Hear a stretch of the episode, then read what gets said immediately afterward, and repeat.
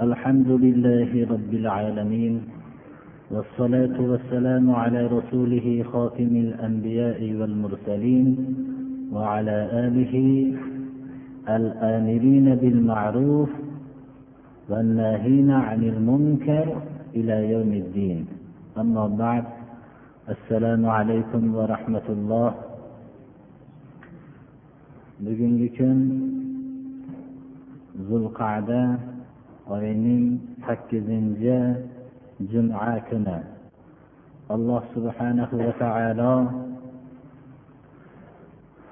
o'zi rasululloh sollallohu alayhi vasallamning hadislarida va'da qilgan juma namozi keyingi juma namozi avvalgi juma namozigacha bo'lgan gunohlarga kafforat degan namozi jumai haqiqiylardan qilgan bo'lsa.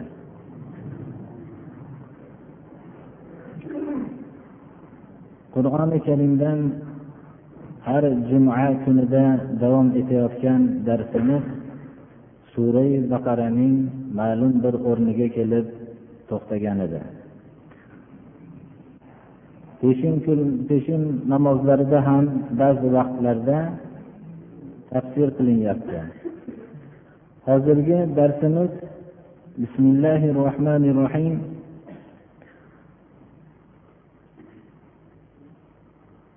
يا بني إسرائيل اذكروا نعمتي التي أنعمت عليكم وأني فضلتكم على العالمين واتقوا يوما لا تجزي نفس عن نفس شيئا ولا يقبل منها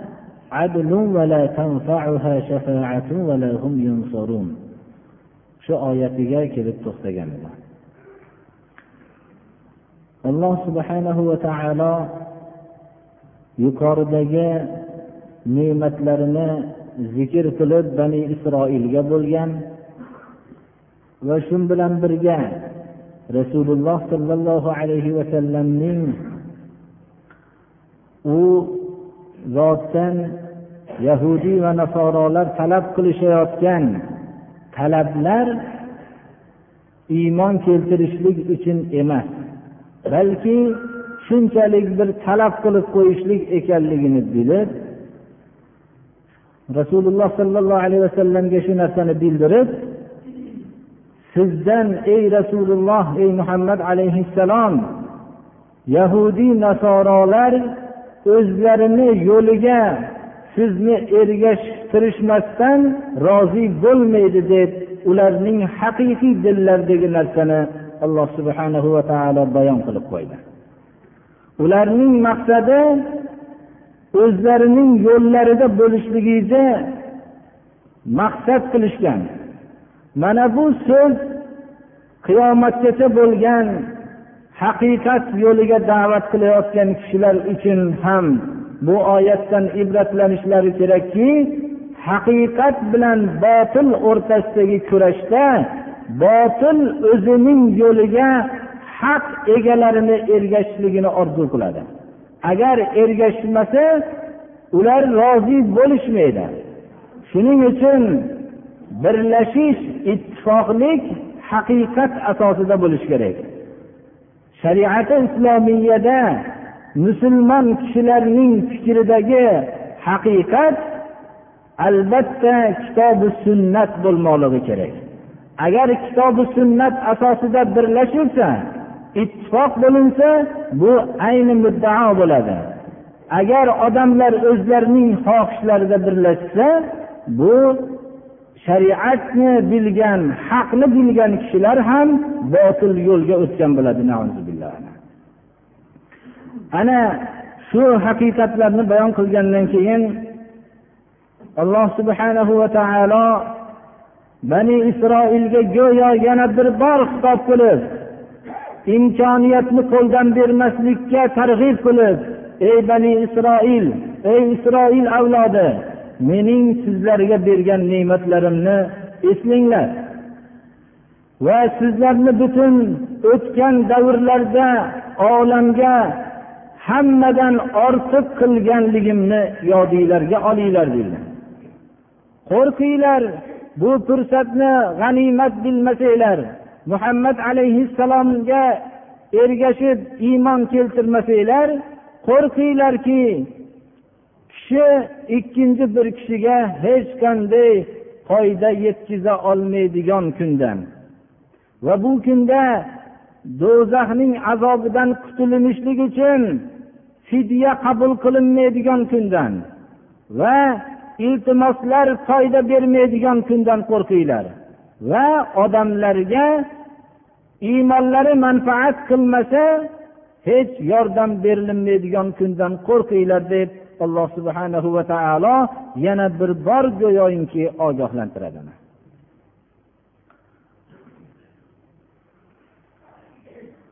Makkadagi yahudiylar ya'ni ahli kitoblar o'zlarini ibrohim alayhissalomning yo'lidamiz deb davo qilishardi.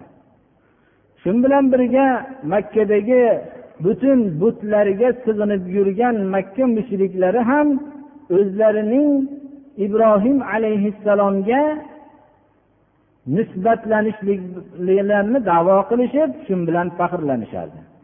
Lekin shunchalik ahli kitoblar o'zlarining ibrohim alayhissalomga nisbatlanishliklarini ishoq alayhissalom orqali aytishgan bo'lsa makka mushriklari bo'lsa ismoil alayhissalom orqali nisbatlashardi. Va har ikkala toifa xoh ahli kitoblar bo'lsin to makkadagi mushriklar bo'lsin hammalari ibrohim alayhissalomning dinida ketyapmiz deb davo qilishardi. Alloh subhanahu va taolo mana bu oyatlarda ibrohim alayhissalomning tarixini bayon qilib ahli kitoblar ham makkadagi mushriklar ham ibrohim alayhissalomning yo'lidan chiqib ketganligini oshkor bayon qiladi ibrohim alayhissalomning hayotida bo'lgan imtihonni bayon qilishlik bilan boshlaydi أعوذ بالله من الشيطان الرجيم وإذ ابتلى إبراهيم ربه بكلمات فأتمهن قال إني جاعلك للناس إماما قال ومن ذريتي قال لا ينال عهد الظالمين alloh subhanahu va taolo ibrohim alayhissalomning tarixini muhammad alayhissalomning eslashlikka buyurib eslang ey muhammad alayhissalom ibrohim alayhissalomni rabbi tarbiyat kunandasi bir necha buyruqlarni va takliflarni o'z ichiga olgan so'zlar bilan buyruqlar bilan imtihon qilganligini.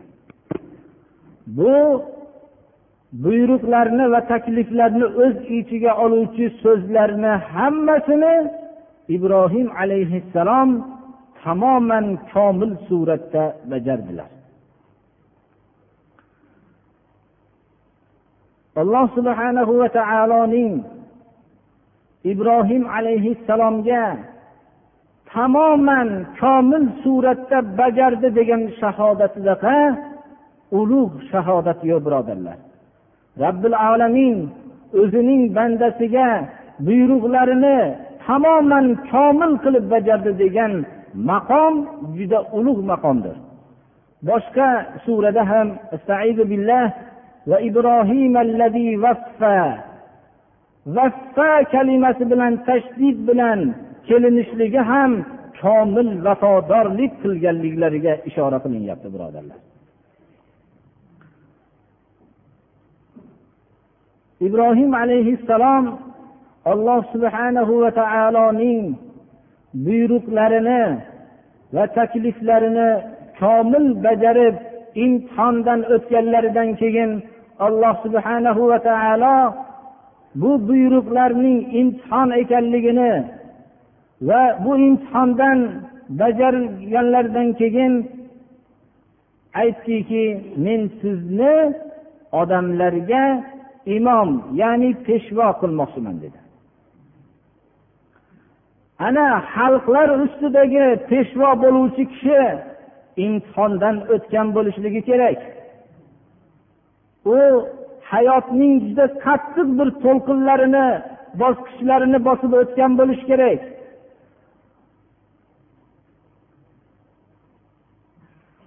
Muhammad alayhissalom payg'ambarimiz hayotning hamma og'ir bosqichlarini bosib o'tdilar.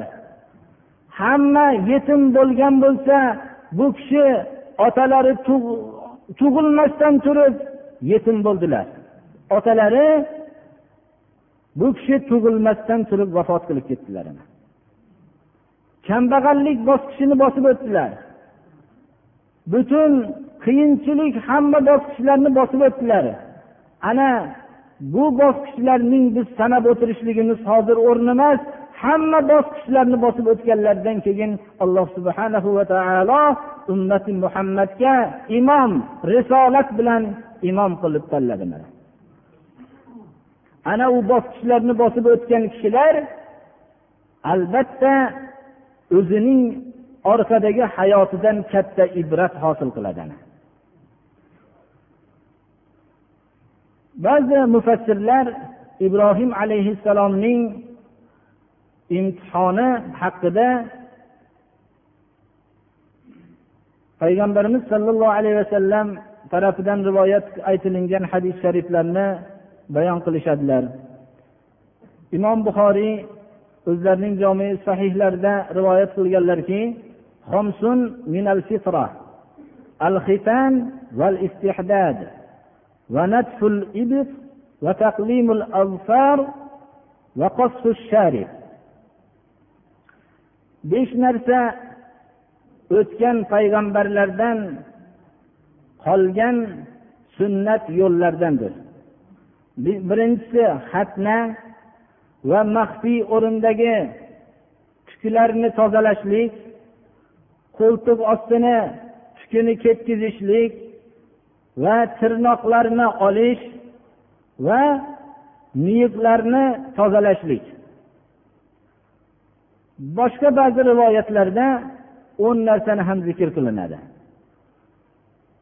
Ibrohim alayhissalomga bo'lgan buyruqlar shu narsalarni ham o'z ichiga olgan degan ba'zi mufassirlar tarafidan bo'lgan rivoyatlar bor.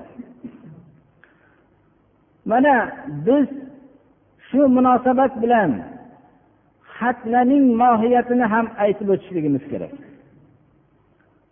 Xatna qadimiy payg'ambarlardan qolgan sunnatlardan ekan demak. Shu bilan birga maxfiy o'rindagi tuklarni tozalashlik va qo'ltiq ostidagi tuklarni ketkazishlik va tirnoqlarni olishlik va shu bilan birga niyatlarni dagi tuklarni tozalashlik mana. Ya'ni og'iz ochilib turadigan suratda mo'ylovni og'izga tushadigan holatda qo'ymaslik degani. Shu bilan hozirgi zamondagi bo'layotgan ba'zi ishlarni ham bir taqqoslab ko'rsak xatna demak sunnat ekanligini islom diniga qarshi bo'lgan hamma millatlar buning ostidagi manfaatlarning hammasini tan olishlikka majbur bo'lishdilar. Avvallarda shunday amallarni islom tarafidan bo'lganligini bilib masxara qilib kelgan kishilar majbur bo'lishdilarki buning ostlaridagi manfaatlarning hammasini tan olishlikka. Bir tarafdan boshqa dinga mansub bo'lmagan millatlar bir vaqtlarda shu amallarning bajargan kishilarga jazo bergan bo'lsa endi tan olib ganligi bizga quvonch bo'lsa musulmon millatlarining bu amallar ishidagi hatmaga qilinayotgan tantanalari bunisi achinarlidir birodarlar. Agar shu qatorda zikr qilingan amallarning bittasi uchun xalqlar tantana qilgan bo'lganda nihoyat darajada o'zlarining nodonliklarini isbotlagan bo'lardi. Mabodo bir kishi qo'ltiq ostining tukini ketkazishlik uchun shunday tantanavor ziyofatlar tashkil qilganda juda ham uning ustidan xalqlar kulgan bo'lardi. Mabodo bir tirnoq olinishligi uchun shunday katta tantanali ziyofatlar qilganda odamlarning masxaralariga duchor bo'lardi. Lekin hatna bo'lgan vaqtdagi bunday katta ziyofatlarga tantanalarga masxaraga duchor bo'lmasdan yashayapti. Eng achinarlisi shuki buni faqat musulmonlar tarafidan bajarilayotganligi achinarli.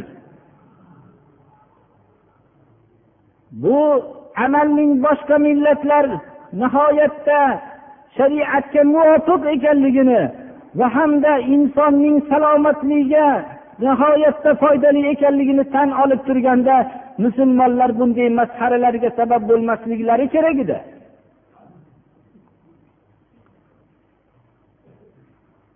Alloh subhanahu va taolo ibrohim alayhissalomni shu buyruqlarni o'z ichiga olgan so'zlar bilan imtihon qilganda barkamol komil suratda bajardilar. Alloh subhanahu va taolo bu imtihondan toza o'tganlardan keyin men sizni xalqlarga imom qiluvchiman dedilar. Ana demak xalqlarga imom bo'luvchi peshvo bo'luvchi kishilar imtihon bosqichlarini bosib o'tgan bo'lishlari kerak. Ibrohim alayhissalom shu vaqtda har bir insonning tabiatiga o'rnagan o'zining avlodini ham xalqlarga peshvo bo'lishligini orzu qiladi har bir kishi. O'zining avlodini xor inson bo'lishligini xohlamaydi. Insoniy tabiatni alloh subhanahu va taolo shunday yaratdiki o'zining farzandini xor bo'lmasdan aziz bo'ladigan holatda bo'lishligini umid qiladigan qilib yaratdi. Va shu o'zining avlodini davomati bilan yer yuzini shunday tabiatni o'rnatishlik bilan yer yuzini alloh subhanahu va taolo obod qildi mana. Hamma o'zidan keyin nasl qoldirishlikka hamma mavjudot shunga rag'bat qiladida shu bilan hayot davom etadi birodarlar. Lekin ba'zi maslaklar oilani inkor qilib yashagan. Bizlar ana shunday oilani inkor qilgan maslakda voyaga yetib qoldik. Shuning uchun hozirda vallohu alam oilalarning buzilishligi asli maslakdagi oila to'g'ri deb tushunilmaganligini natijasi bo'lsa kerak. Islom nazarida oila jamiyat binosining bir birinchi qo'yiladigan g'ishti hisoblanadi. Agar oila tuzalmasa jamiyat tuzalmaydi. Mana bunday islomdagi oila shunday katta bir o'rinni tutadiki qur'oni karimdagi ko'p oyatlar oila haqida nozil bo'lgan mana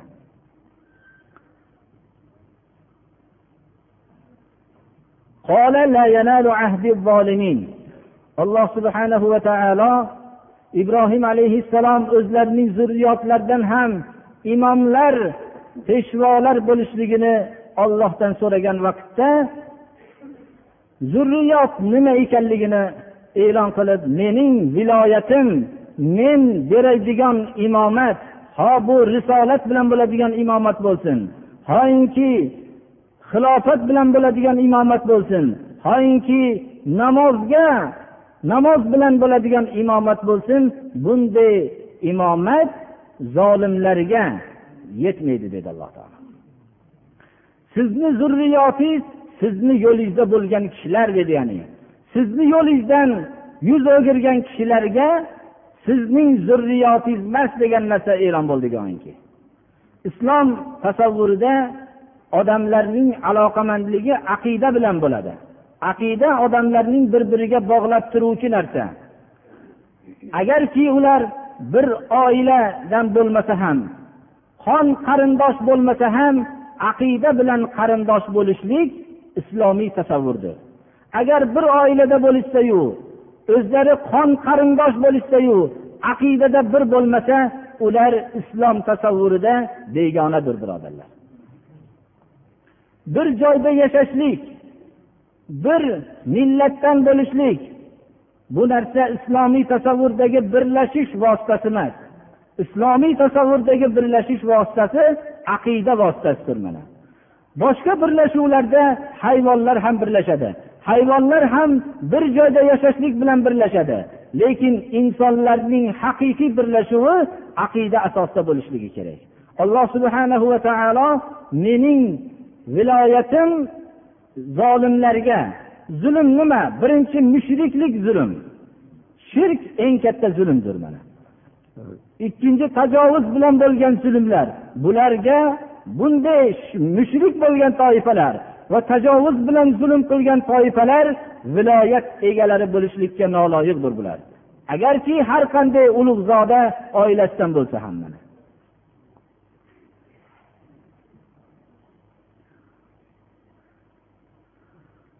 Alloh subhanahu va taolo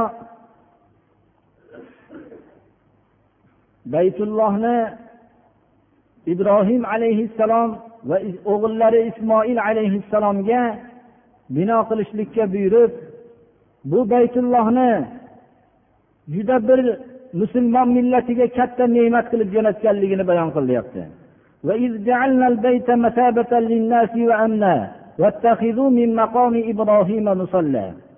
biz baytullohni odamlarga odamlar murojaat qilib iqbol qilib boradigan joy qilganligimizni yodingizga oling. Va odamlarni osoyishtalovchi tinchlanishligiga sabab bo'luvchi o'rin qilganligimizni yodingizga oling. Baytulloh butun dunyo musulmonlari shu yerga borishlikka alloh subhanahu va taolo shu yerga qalblarni tashna qilib yaratib qo'ydi. Hech bir dunyoda bir o'rin yo'qki butun dunyo shu tarafga tashna bo'ladigan baytullohga o'xshagan. Baytulloh hamma odamlarning umrlarida bir marta bo'lsa ham borishlikka mushtoq bo'ladigan o'rindir. Buni alloh subhanahu va taolo odamlarga ana shunday iqbol qiladigan joy qilib qo'ydi. Shu bilan birga baytulloh qur'oni karimda mana baytullohni osoyishtalikka sabab bo'luvchi o'rin deb yod qilinyapti baytullohning qadimdan ham arab mushriklari ham nihoyatda haybatlanishardi. Bu yerga kirib olgan haramga kirib olgan dushmanlarini ham bu yerda ularga zarar yetkazishmasdilar. Baytullohga kirgan odam alloh subhanahu va taoloning u yerini osoyishta joy qilib qo'yganligi sababli osoyishta yashardi odamlar agarchi dushmanlari bilan ko'rinib tursalar ham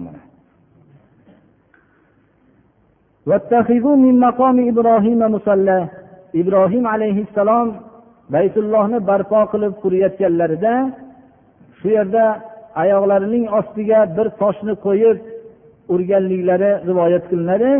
Shu o'rinni alloh subhanahu va taolo namozgoh qilishlikka buyurdi mana qiyomatgacha bo'lgan musulmonlar baytullohga borishganlarida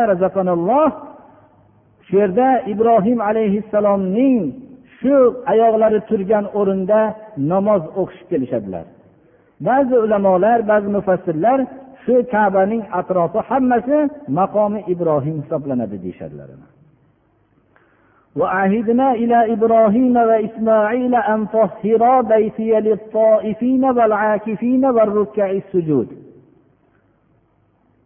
ibrohim va ismoil alayhissalomlarga biz vasiyat qildik buyurdik.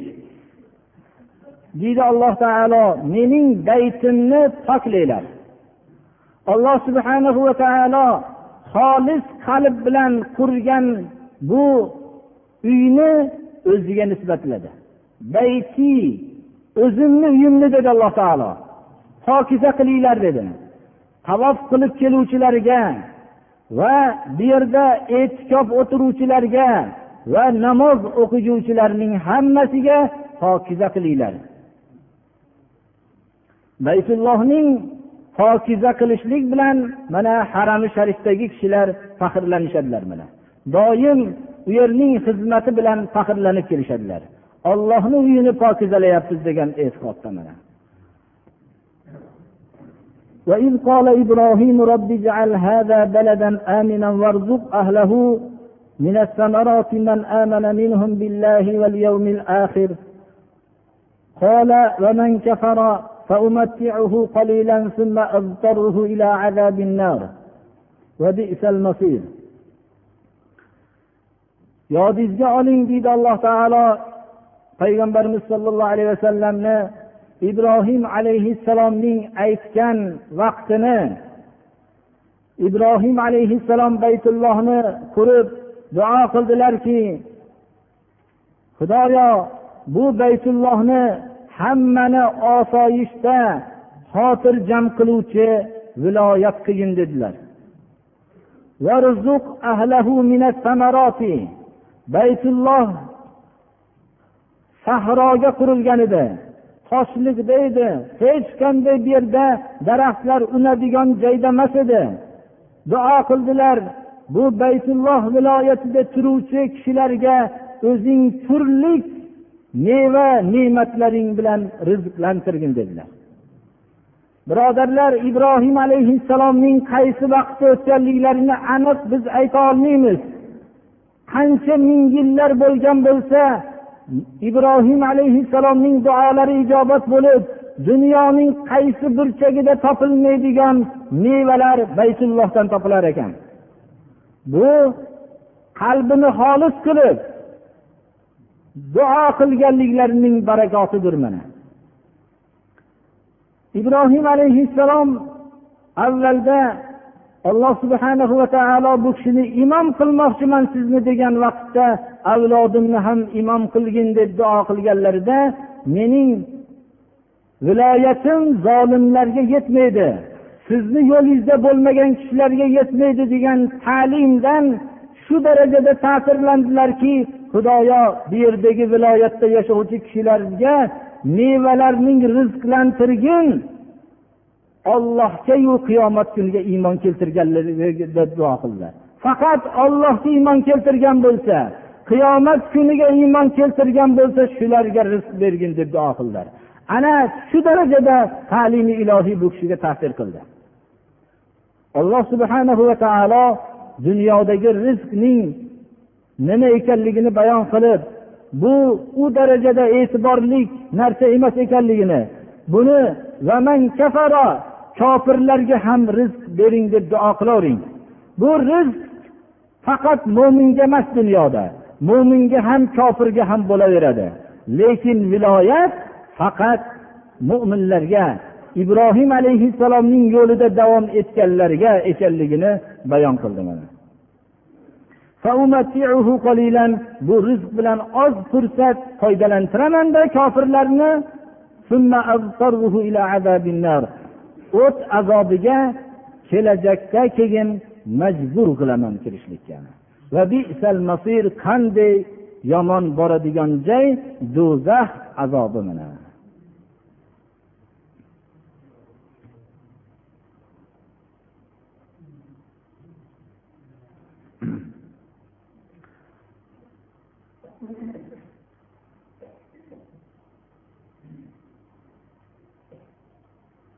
وإذ يرفع إبراهيم القواعد من البيت وإسماعيل ربنا تقبل منا إنك أنت السميع العليم alloh subhanahu va taolo ibrohim va ismoil alayhim assalomlarning baytullohning poydevorini ko'tarayotgan holatlarini go'yoki hozirda bizlarning ko'z oldimizga tasvirlab berib yodingizga oling ey muhammad alayhissalom.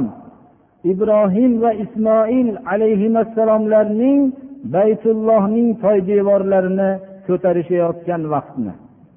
Go'yo fe'li muzoriy bilan keltirilishlik bu yerda zamoni moziyni zamoni holga olib kelinyaptiki go'yoinki ibrohim alayhissalom bilan ismoil alayhissalom baytullohning poydevorlarini ko'tarayotgan holatni bizga tasvirlab beryapti. Ular baytullohning poydevorini ko'tarayotgan vaqtda tashvishlari shu amalning olloh qabul qilishligi bo'ldi. Xudoyo qabul qilgin bizlardan bu amalni sen eshituvchi va niyatlarni biluvchi zotsan. Agar bir inson biror bir yaxshi ishni qilayotgan bo'lsa undagi tashvish faqat shu yaxshi ishning alloh subhana va taolo qabul qilishligi bo'lmoqligi kerak birodarlar. Bizlar unday emasmiz. Mabodo bir yaxshi ishni qilayotgan bo'lsak birinchi faxrlanamiz. Va shu yaxshi ishni agar alloh subhana va taolo nasib qilib shuni qilgan bo'lsak umrbod maqtanib minnat bilan o'tib ketamiz. Biz qilayotgan ishni o'zi aslida taqqoslasak u darajada katta yaxshi ishlar bo'lmaydi. Ollohni bayti butun dunyodagi musulmonlarning qiblasi bo'layotgan baytni qurayotgan vaqtdagi qalblari ollohga yetishgan ibrohim va ismoil alayhissalomlarning duolariga nazar tashlangki xudoyo shu amalimizni qabul qiling dedilar. Bu kalimalarni ichida yolborishlikdan boshqa narsa yo'q. Maqtanish degan narsaning hidi ham yo'q bu yerda. Va shu bilan birga duo qilyaptilarki robbana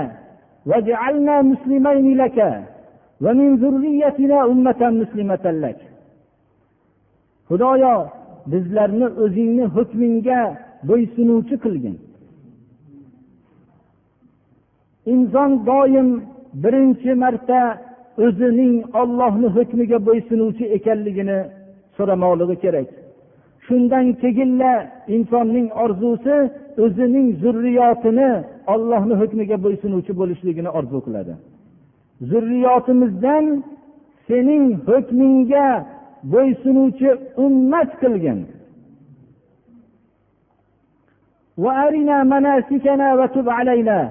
Bizlarning ibodat o'rinlarimizni ko'rsatgin. Va bizlarning gunohlarimizni mag'firat qilgin tavbalarimizni qabul qilgin dedilar. Birodarlar shuncha katta ish ustidagi ibrohim alayhissalom bilan ismoil alayhissalomning duolariga bir diqqat bilan nazar tashlang tavbalarimizni qabul qilgin deyaptilar. bu yerdagi qilayotgan amaldagi nuqsonlarimizni kechirgin deyaptilar sen o'zing tavbani qabul qiluvchi mehribon zotsan ربنا فابعث فيهم رسولا منهم يتلو عليهم آياتك ويعلمهم الكتاب والحكمة ويزكيهم إنك أنت العزيز الحكيم خدايا bu islom millati bu ummat ichida ulardan bir payg'ambar jo'natgin. U payg'ambarning sifatlari sening oyatlaringni ummatga tilovat qilib o'qib beradigan bo'lsin va ularga o'zingni kitobingni ta'lim beradigan bo'lsin va hikmatni ta'lim beradigan bo'lsin va ularning axloqlarini poklaydigan payg'ambar jo'natgin deb duo qildilar. Innaka antal azizul hakim. Sen shunday ishlarni qilishlikka qudratli zotsan va qaysi o'rindan shunday payg'ambarni jo'natishlikni biluvchi dono zotsan deb duo qildilar mana bu kishining duolari ijobat bo'lib islom millati rasululloh sollallohu alayhi vasallamning risolatlarining risolatlari bilan boshchiligida ana shu baytullohning merosxo'ri bo'lib qoldi. Alloh subhanahu va taolo ibrohim alayhissalomning avlodidan islom millatini yaratdi va bu islom millati ichida payg'ambar jo'natdi muhammad alayhissalomni. Alloh subhanahu va taoloning oyatlarini yigirma uch yil tilovat qilib berdilar va odamlarga qur'onni ta'lim berdilar va shu bilan birga hikmatni o'rgatdilar va ularning shunday aroblarning axloqlarini pokladilarki axloqda butun dunyoning ustozlariga aylandilar ular. Payg'ambarimiz sollallohu alayhi vasallam aytardilarki men bobom ibrohim alayhissalomning duolariman dedilar. U kishining ana xudoyo bu islom millatiga payg'ambar jo'natgin deb duo qilganlar nechi ming yil ilgari ana shu duo ijobat bo'lib alloh subhana va taolo oxirgi payg'ambar muhammad alayhissalomni jo'natdi mana.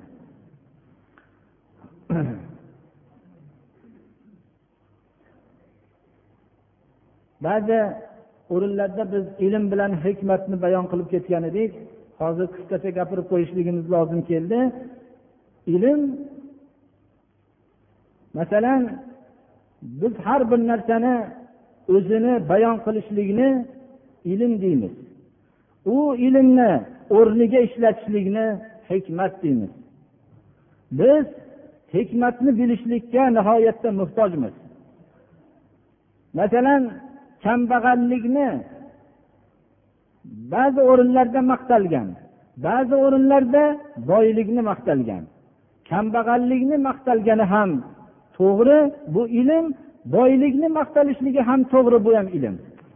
Ba'zi o'rinlarda qanoatni maqtalgan ba'zi o'rinlarda saxovatni maqtalgan. Ikkovi ham to'g'ri ilm bu. Lekin qayerda qanoat qilmoqlik kerak.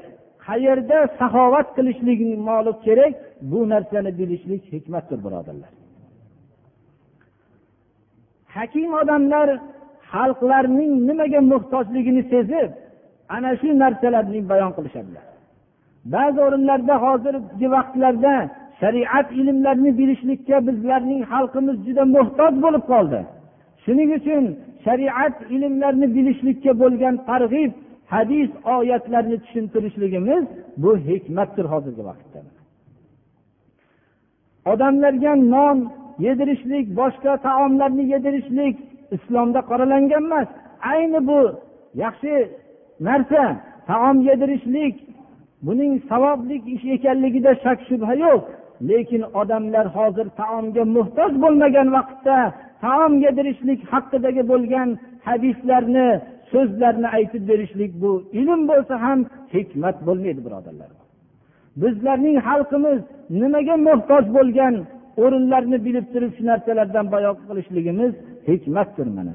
Shuning uchun peshvo kishilar faqat ilmlikgina bo'lishlikka ular kifoya qilmaydi balki ular hakim bo'lmoqlari kerak.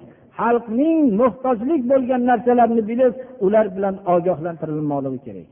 Bizlarning tarafimizda halimlik haqida juda ko'p mavizalar bo'lgan.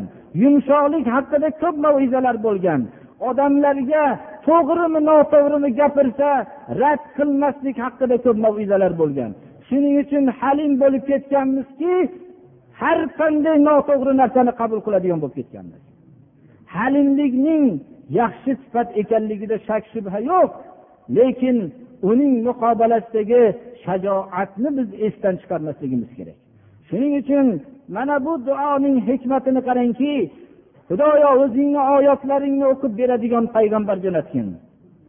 Va qur'onni ta'lim beradigan payg'ambar jo'natgin. Va shu bilan birga hikmatni o'rgatadigan payg'ambar jo'natgin. Va ularning axloqlarini tuzatadigan. Agar bir kishi har qancha hakim bo'lib olim bo'lsa axloqan buzuq bo'lsa qilayotgan amallari zid bo'ladigan bo'lsa unday peshvoning ta'siri bo'lmay qolaveradi birodarlar. O'zining gapirgan so'zlariga amal bo'lmasa odamlarning axloqini tuzatmasa odamlarning islomiy axloqlarini ularga o'rgatmasa ularning ilmli bo'lishliklari hakim hatto bo'lishliklari ham manfaatli bo'lmaydi birodarlar. Ana shuning uchun bu duo nihoyatda bir jomi bir duoki xudoyo qur'onni o'rgatadigan hikmatni o'rgatadigan har bir narsaning qayerda ishlatishlikni biladigan va shu bilan birga odamlarni axloqlarini poklaydigan payg'ambar jo'natgin deb duo qildilar. Endi bu masalalarni to'liq javobini aytib qo'yganmiz.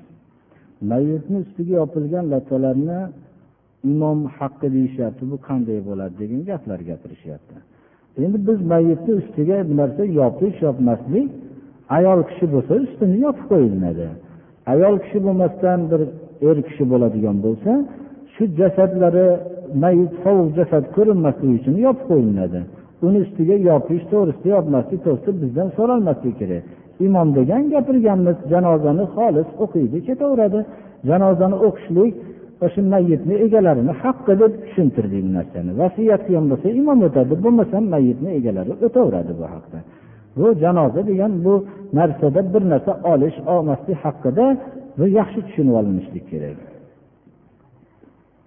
Shatranj haqida masala so'ralibdi shatranj bu namozlardan agar masalan ibodatlarda esdan chiqarishlikka sabab bo'lib g'aflatda qolishlikka sabab bo'ladigan bo'lsa bu narsadan qaytarilingan. Asli qaytarilmagan ya'ni ibodatlardan beparvo bo'lishlikka g'aflatga sabab bo'ladigan bo'lsa bu qaytarilgan. Dinni g'arib bo'lib turgan vaqtda bunday lahu narsalar bilan mashg'ul bo'lmaslik kerak. Uch xil niyat bilan duo so'rabdilar uchovlarini alloh taolo niyatlariga yetishsin alloh taolo kasallariga shifo bersin. bir tashvish bilan bir duo so'rabdilar alloh taolo safarga salomat borib kelsin boshqalar bir ba'zi o'zini oiladagi a'zolariga hidoyat alloh taolo bersin deb duo qilinglar debdilar alloh taolo hidoyat bersin فيا أرحم الراحمين اللهم أعنا على ذكرك وشكرك وحسن عبادتك اللهم إنا نعوذ بك من الكفر والفقر والجبن والكسل ومن فتنة المحيا ومن فتنة الممات ومن فتنة المسيح الدجال ومن فتنة عذاب القبر وأن نرد إلى أرض العمر. اللهم اهدنا إلى ما فيه صلاحنا وخيريتنا في الدنيا والآخرة. اللهم أعنا على ذكرك وشكرك وحسن عبادتك. اللهم يسر لنا أمورنا أمور الدنيا والآخرة وأجرنا من خزي الدنيا وعذاب الآخرة. اللهم ألف بين قلوب المؤمنين في المشارق والمغارب اجمع كلمتهم. اللهم أعز الإسلام والمسلمين وأذل الشرك والمشركين. اللهم عليك أعداءك أعداء هذا الدين وصلى الله تعالى على خير خلقه محمد وآله وأصحابه أجمعين. الله أكبر. آمين. اللهم تقبل منا إنك أنت السميع العليم. ربنا اغفر لنا ولإخواننا الذين سبقونا بالإيمان. ولا تجعل في قلوبنا غلا للذين آمنوا. ربنا إنك رؤوف رحيم. وصلى الله على خير خلقه محمد وآله وأصحابه أجمعين الله أكبر آمين الله تعالى qur'onni ma'nolarini bildirsin hammamizni ham ibodatlarimizni qabul qilsin gunohlarimizni mag'firat qilsin mehmonlarimizni ham alloh taolo qadamlariga hasanat bersin